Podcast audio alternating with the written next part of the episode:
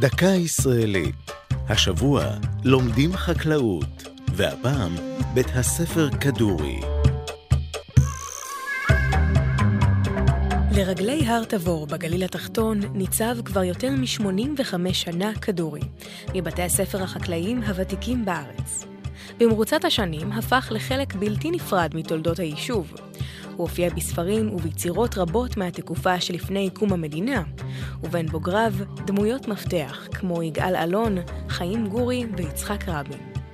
כדורי נוסד כבית ספר חקלאי יהודי של ממשלת המנדט הבריטי ב-1933, מכספי עזבונו של איש העסקים היהודי יליד עיראק, אליהו כדורי.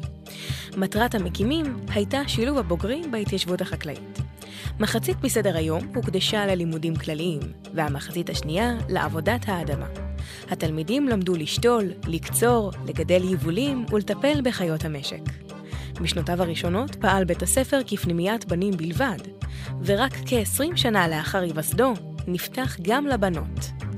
עם השנים החלו לפקוד את שעריו גם ערבים, דרוזים וצ'רקסים מהיישובים הסמוכים.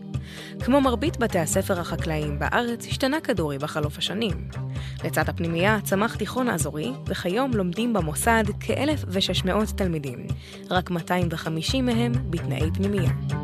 זו הייתה דקה ישראלית על לומדים חקלאות ובית הספר כדורי. כתבה תמר ליכטינגר, ייעוץ הפרופסור יובל דרור, עורך ליאור פרידמן.